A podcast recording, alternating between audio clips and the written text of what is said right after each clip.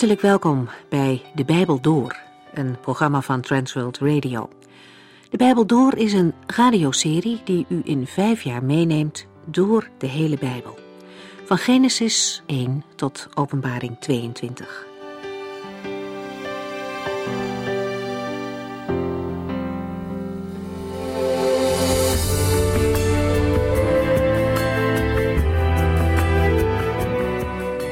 Christenen leven met een geweldige toekomstverwachting. God geeft zijn kinderen een hoopvolle toekomst. Maar voordat het zover is, staat er nog van alles te gebeuren. De Heer Jezus vertelt zelf in Matthäus 24 over wat er in die eindtijd plaats zal vinden. Het is genoeg om bang van te worden. Ware het niet dat God een veilige plaats heeft voor degenen die bij hem horen? Wie het leest, moet proberen het te begrijpen, zegt de Heer Jezus in zijn toespraak over de eindtijd. En dat is niet altijd even makkelijk. Er is veel over de toekomst geschreven, maar een exact plaatje over hoe het zal gaan is niet simpel te maken. Het lijkt net een puzzel. Beetje bij beetje komt het plaatje tevoorschijn. Het kost moeite om verder te komen. En dan ineens passen andere stukjes weer wel en met de nodige inspanning komt de puzzel wel klaar, behalve als je hem laat liggen. Dan lijkt het nergens op, dan zijn en blijven het maar een hoop losse stukjes. En dat kun je ook doen met een moeilijk onderwerp uit de Bijbel, het gewoon laten liggen. En toch is het zo, net als met puzzelen, dat hoe verder je komt, hoe meer je ervan gaat begrijpen. Ook hier geldt, wie zoekt, die vindt. In de studie van de vorige keer ging het over de tijd van de grote verdrukking die over de aarde zal komen. In die tijd zullen Joden tot geloof komen in de Messias. In Jeruzalem zal opnieuw een tempel gebouwd worden. Maar de antichrist zal die tempel ontwijden en zich daar laten aanbidden. Hier profeteerde Daniel ook al over. De Heer Jezus zegt dat de gelovigen moeten vluchten als het zover is. Er zal dan een zware vervolging van de gelovigen plaatsvinden, maar ook zullen de oordelen van God over de goddeloze wereld komen. In Openbaring 8 tot 19 worden deze oordelen beschreven. De Bijbel zegt dat het een verdrukking zal zijn zoals de wereld nog nooit heeft meegemaakt. Ook dan zullen er valse Christussen komen. Maar als de Heer Jezus terugkomt, dan is er geen enkele twijfel mogelijk dat Hij het echt is. Hij zal op de wolken terugkomen met grote macht en majesteit, en iedereen zal Hem zien.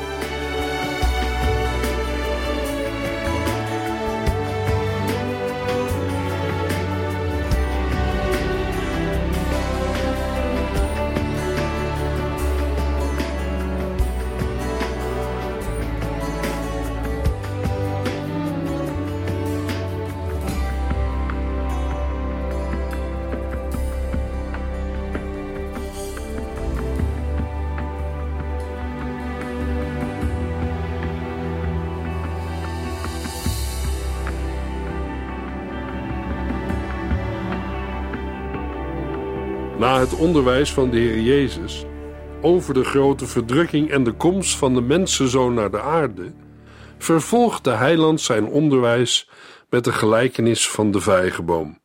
Matthäus 24, vers 32 en 33. Ik zal het jullie duidelijk maken met een voorbeeld. Wanneer de takken van de vijgenboom zacht worden en er knoppen en blaadjes uitkomen, komt de zomer eraan.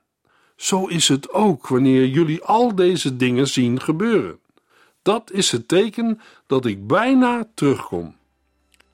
De les van de vijgenboom is erg sprekend. Terwijl bijna alle bomen in Israël hun loof in de winter behouden, verliest de vijgenboom al zijn bladeren. Hij ziet er dan met zijn kale takken als dood uit. Hoewel het uitbotten van de andere bomen dezelfde les bevat, is het groenen van de vijgenboom het meest karakteristiek en kondigt onmiskenbaar de komst van de zomer aan. Al deze dingen, die gezien worden, zijn evenals het groenen van de vijgenboom een teken van wat aanstaande is. Bovendien zullen de woorden al deze dingen primair refereren aan de meest aan de orde zijnde gebeurtenis, namelijk de verwoesting van Jeruzalem en de tempel. In de Bijbel is de vijgenboom ook een beeld van het volk Israël.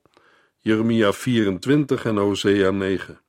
Een moeilijkheid bij dit vers is of we de vijgenboom hier moeten zien als beeld van het volk Israël. Of verwijst de Heer hier naar de vijgenboom omdat het een typische voorjaarsboom is? Zeker, vijgenbomen en wijngaarden horen bij het beeld van het land. Daarom kiest dominee McGee voor de vijgenboom als beeld van het volk Israël. Matthäus 24, vers 34 en 35. Ik verzeker jullie, al deze dingen zullen gebeuren, nog voordat deze generatie voorbij is. De hemel en de aarde zullen verdwijnen, maar mijn woorden zeker niet. Met deze generatie wordt in de evangeliën altijd bedoeld de ten tijde van de spreker levende generatie mensen. Met al deze dingen wordt hetzelfde bedoeld als in vers 33.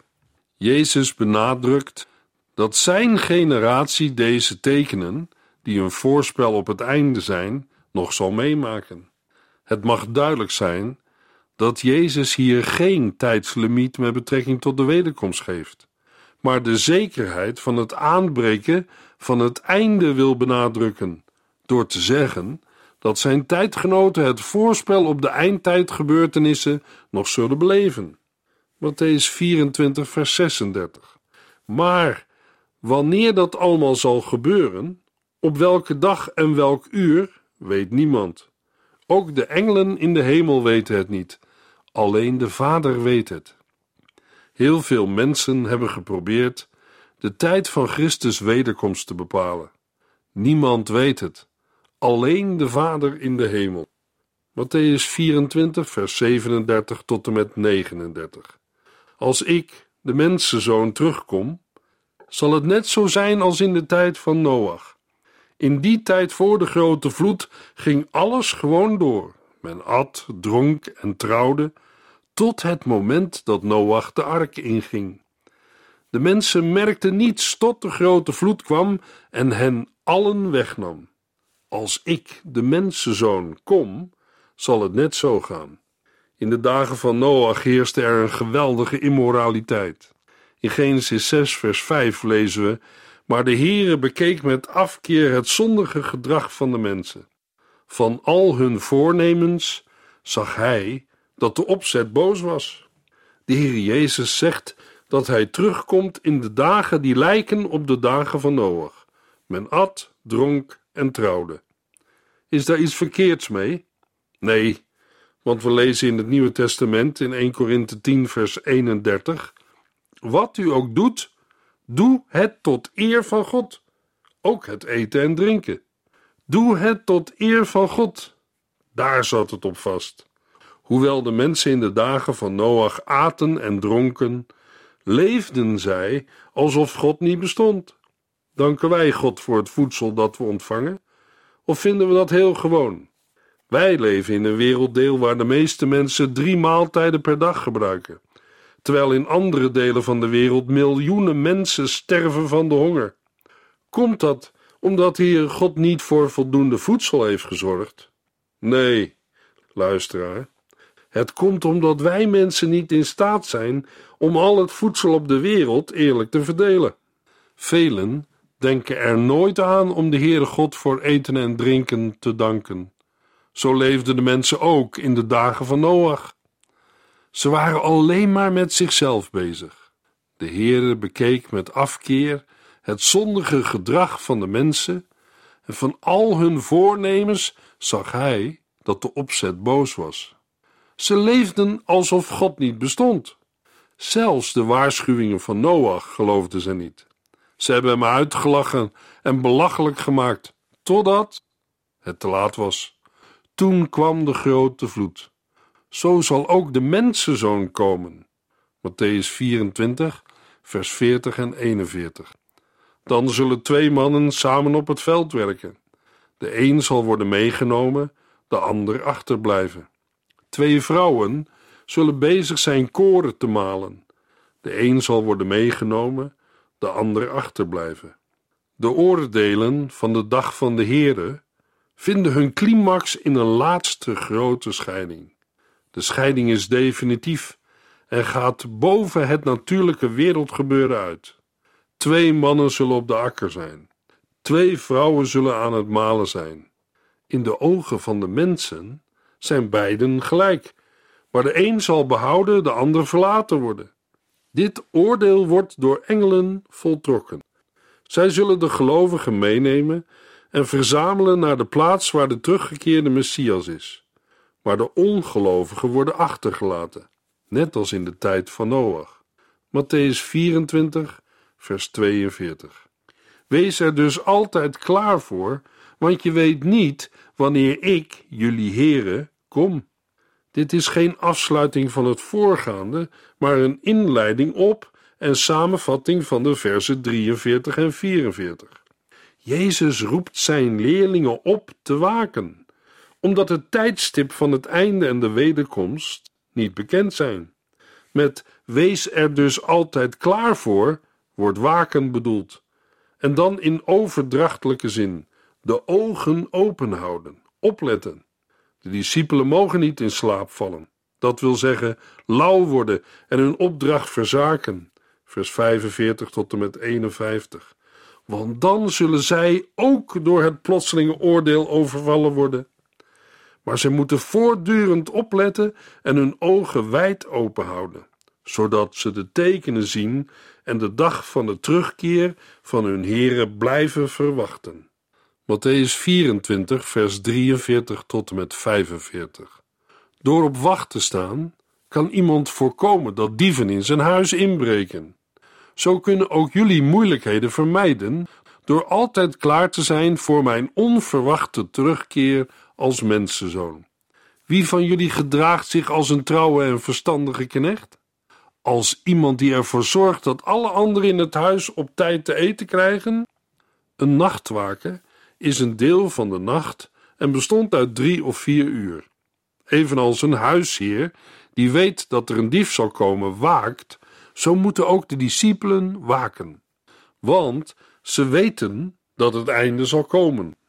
Namelijk na het heengaan van Jezus, de verwoesting van de tempel in Jeruzalem en het doorgeven van het evangelie naar de heidenen.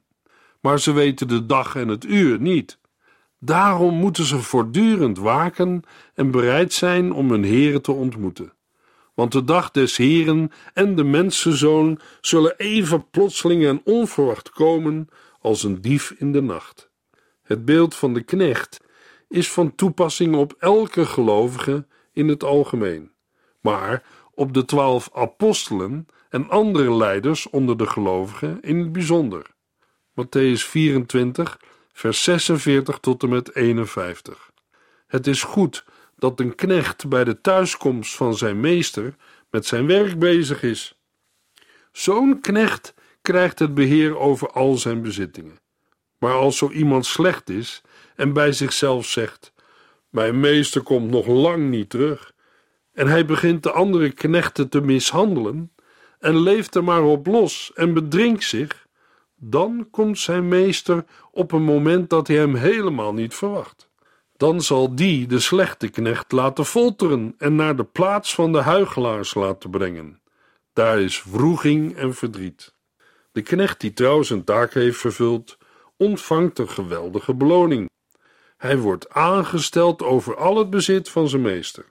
Wie hier en nu trouw als profeet en priester voor de Heere werkt, zal straks met hem als koning over de aarde regeren. Maar als de knecht slecht is en het vertrouwen van zijn heer schendt, dan zal hij zwaar worden gestraft. Met het naar de plaats van de huigelaars laten brengen, gaat de gelijkenis over van het beeld naar de werkelijkheid en spreekt de Heer Jezus over het uiteindelijke lot van de goddelozen in de poel van het vuur, de Gehenna. Hiermee zijn we aan het eind gekomen van Matthäus 24. Matthäus 25 gaat verder met het antwoord van Jezus op de vraag van zijn leerlingen: Waaruit kunnen wij opmaken dat u terugkomt? Matthäus 24, vers 3. In hetzelfde hoofdstuk 24 hebben we al gezien dat de heiland een aantal gelijkenissen vertelt over het einde van de tijden. Deze gelijkenissen zijn begonnen in Matthäus 24, vers 36 en gaan door tot Matthäus 25, vers 46.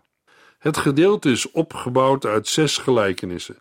Al deze gelijkenissen hebben een duidelijke eschatologische instelling.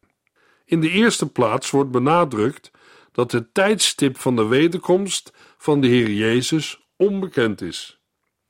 Daarom is het belangrijk om te waken en klaar te zijn. Een volgeling van Jezus is klaar als hij of zij trouw de taak vervult die hem of haar is toevertrouwd. Matthäus 25 laat de werkelijkheid zien over de komst van Christus met betrekking tot drie groepen mensen: Israël, de gemeente en de volken. Een nader onderzoek van iedere groep laat zien dat het uiteindelijk gaat om de persoonlijke houding tegenover en persoonlijke relatie met de Heer Jezus Christus zelf. Matthäus 25, vers 1.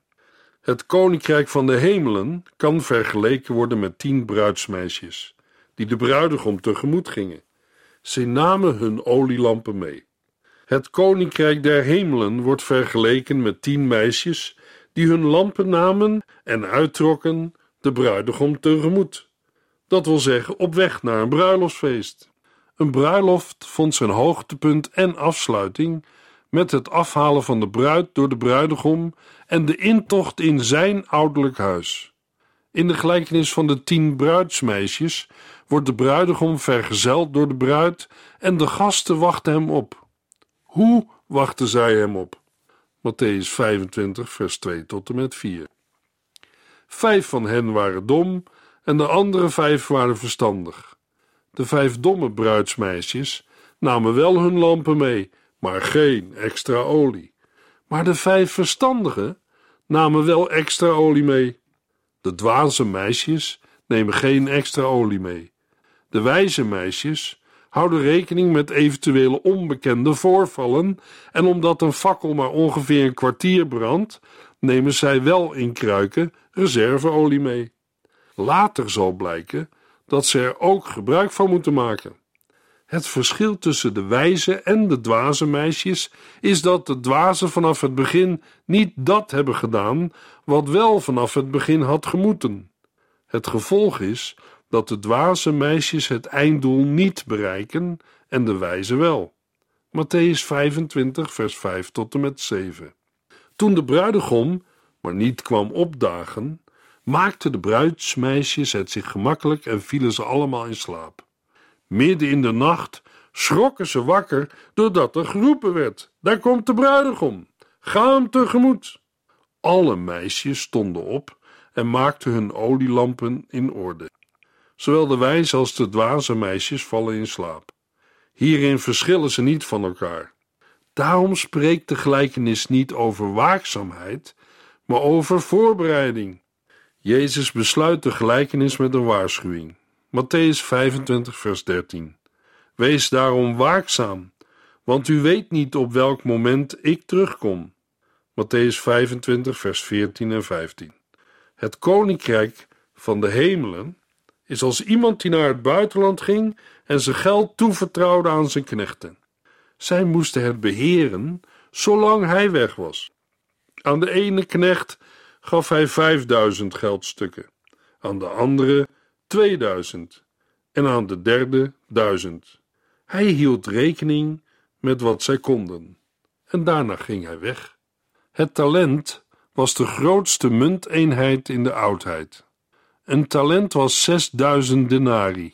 Eén denari was ongeveer het dagloon van een arbeider. Matthäus 20, vers 2. Het gaat hier om enorme bedragen. Het zegt ook iets over het grote vertrouwen van de Heer in zijn knechten en over de grote verantwoordelijkheid van zijn dienaren. Het Griekse woord voor bekwaamheid, dynamis, betekent in de eerste plaats kracht en spreekt over het vermogen om iets ten uitvoer te brengen. en ieder naar zijn bekwaamheid. Een verschil in bekwaamheid staat voor de Heer vanaf het begin al vast. Elke knecht bezit een bepaalde mate van bekwaamheid en een beginkapitaal met een arbeidsveld. Maar wat de derde knecht mist, vergeleken bij de eerste twee, is trouw. Matthäus 25, vers 16 en 17. De man die 5000 geldstukken had gekregen, begon er onmiddellijk zaken mee te doen. Hij verdiende er 5000 geldstukken bij. De man die de 2000 geldstukken had gekregen, deed hetzelfde. Hij verdiende er 2000 bij. De mogelijkheden en talenten die een mens van God heeft gekregen, zijn om voor zijn dienst te kunnen gebruiken. Matthäus 25, vers 18. Maar de man die duizend geldstukken had gekregen, groef een gat en stopte het geld voor alle zekerheid in de grond.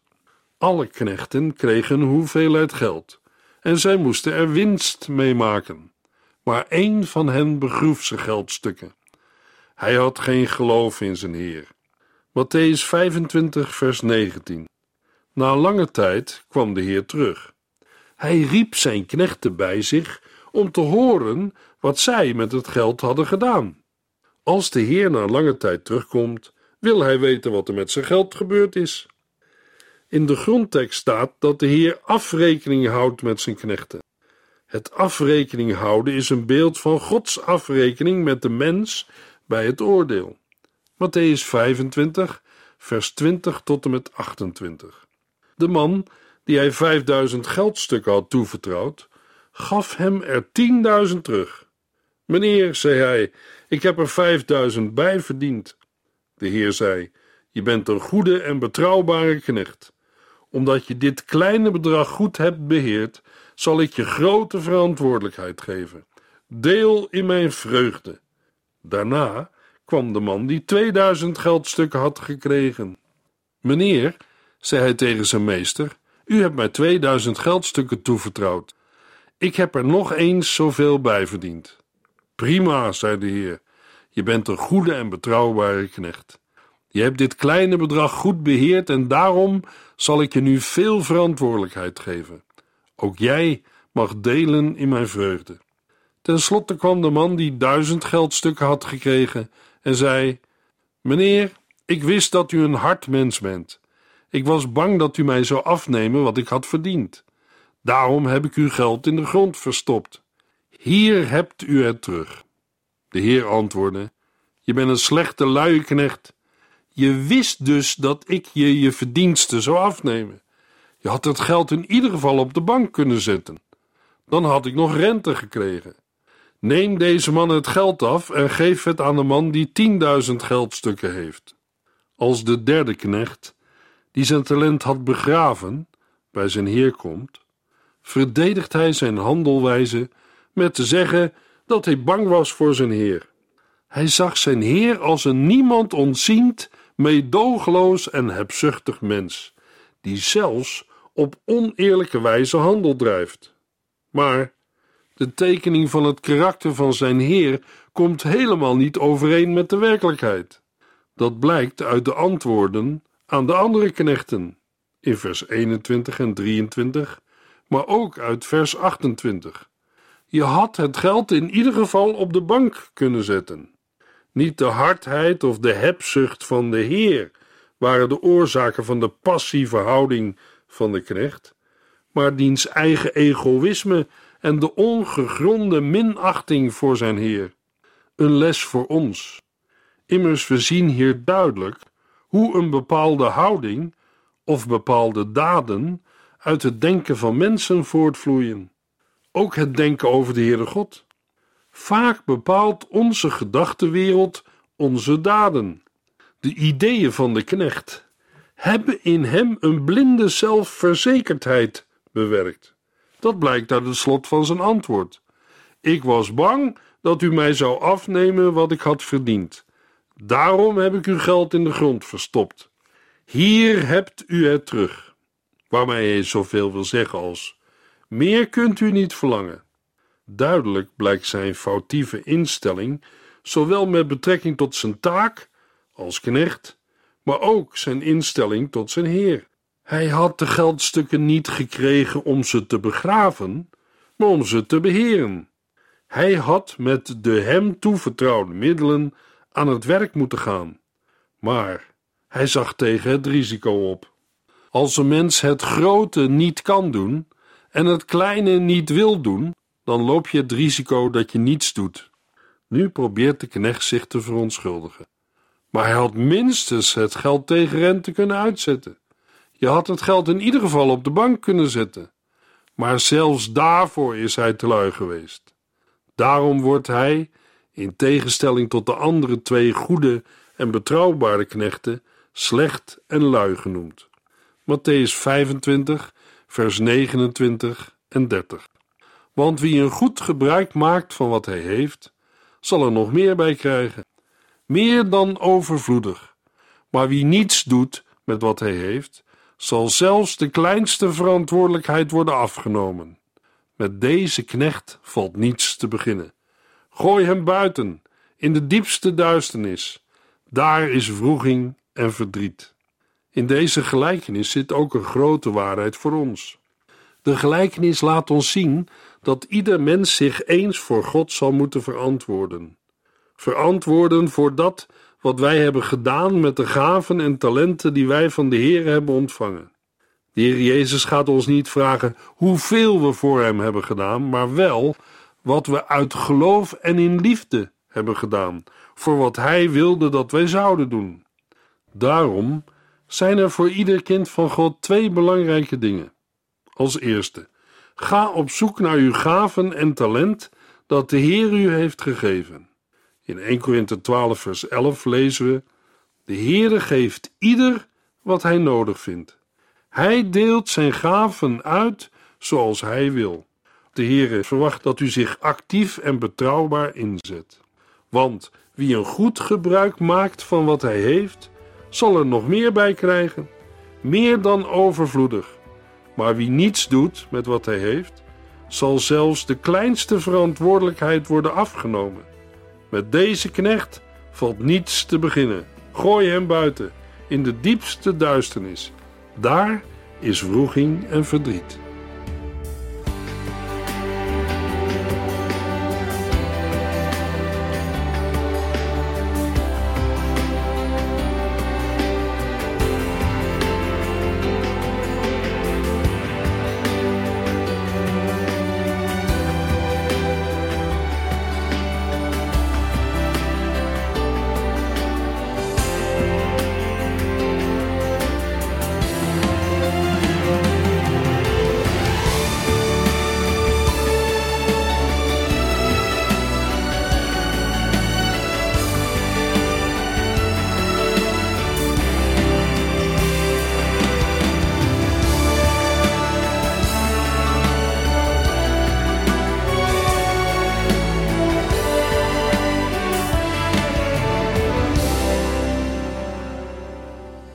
Geluisterd naar De Bijbel Door. In het Nederlands vertaald en bewerkt door Transworld Radio. Een programma waarin we in vijf jaar tijd de hele Bijbel doorgaan. Als u wilt reageren op deze uitzending of u heeft vragen, dan kunt u contact met ons opnemen. Tijdens kantooruren kunt u bellen op 0342 47 8432. 0342 47 8432. 32. Ook kunt u een e-mail sturen naar de Bijbel door transworldradio.nl en natuurlijk kunt u ook via de post ons bereiken. TWR, postbus 371, postcode 3770, AJ in Barneveld. Dit programma werd gepresenteerd door Cor Weda en Ike André. Techniek was in handen van Odin van Woerdekom. En wij allemaal bedanken u voor het luisteren. Graag tot de volgende keer.